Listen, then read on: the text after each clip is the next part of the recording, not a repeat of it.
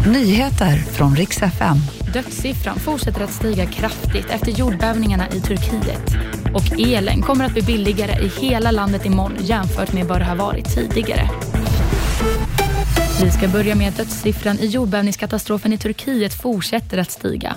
Mer än 11 000 personer har dött hittills och det här rapporterar nyhetsbyrån AFP.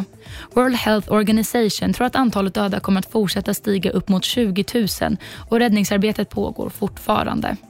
Vi går vidare med lite glädjande nyheter att imorgon så kommer elen bli billigare i hela landet.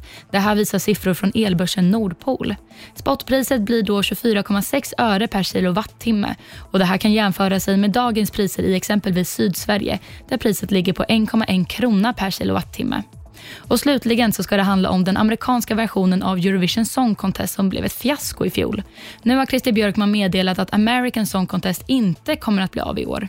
Förra årets tittarsiffror var mindre i hela USA jämfört med Melodifestivalens tittarsiffror i betydligt mindre Sverige. Men Christer Björkman har hoppet uppe och meddelat att han hoppas på att den amerikanska tävlingen kan återvända igen 2024. Och Det var nyheterna och mitt namn är Moa Jonsson.